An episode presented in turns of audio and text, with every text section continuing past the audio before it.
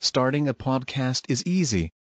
Record sound, edit and share via our platform. Anchor is the easiest way to create podcasts, Spotify's offering to you. Distribute your podcasts to the most popular listening platforms, including Spotify, Apple Podcasts, Google Podcasts, and more, with just one tap. Download the free app to start your podcast with the versatile platform from Anchor.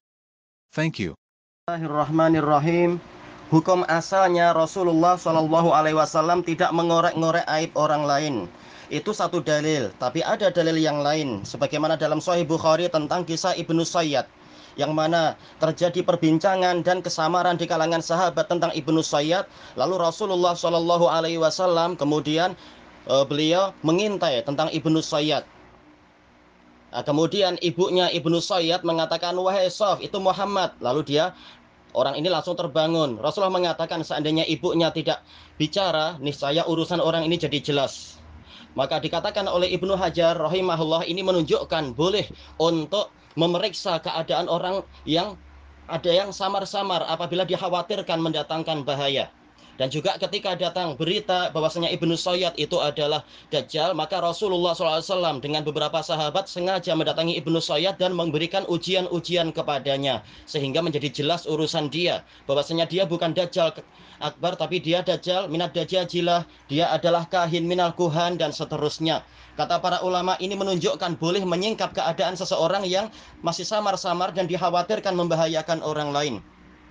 Tayyib. Kemudian masalah Nabi Musa dan Harun yang mana Allah memerintahkan ucapan yang lembut. Tayyib, betul. Itu dalil bagus. Allah Ta'ala berfirman, Wa yakhsha. Tapi ahlu sunnah wa jamaah tidak hanya mengikuti satu dalil. Ahlu sunnah wa jamaah mengikuti semua dalil karena semuanya adalah benar. Kalau itu memang datang dari Allah dan itu memang tidak mansuh, maka wajib juga untuk diikuti. Musa semula mengucapkan kata-kata yang lembut hal ila halaka ila ang tazakka wa ahdiyaka ila rabbika fatakhsha. Tapi setelah dia membangkang, setelah dia menentang, ternyata apa yang dikatakan Musa wa inilah adzunuka ya fir'aunu masbura dan sesungguhnya aku benar-benar menyangka engkau wahai Firaun adalah orang yang binasa. Tayyib. Bagaimana seperti ini? Apakah Anda hanya mengambil satu dalil dan membuang dalil yang lain? Ataukah Anda mengikuti salaf yang tadi Anda mengklaim ajaran salaf begini dan begitu? Tayyib, mana ajaran salaf yang Anda banggakan yang hanya mengambil sebagian dalil dan membuang dalil yang lain? Walhamdulillahi rabbil alamin.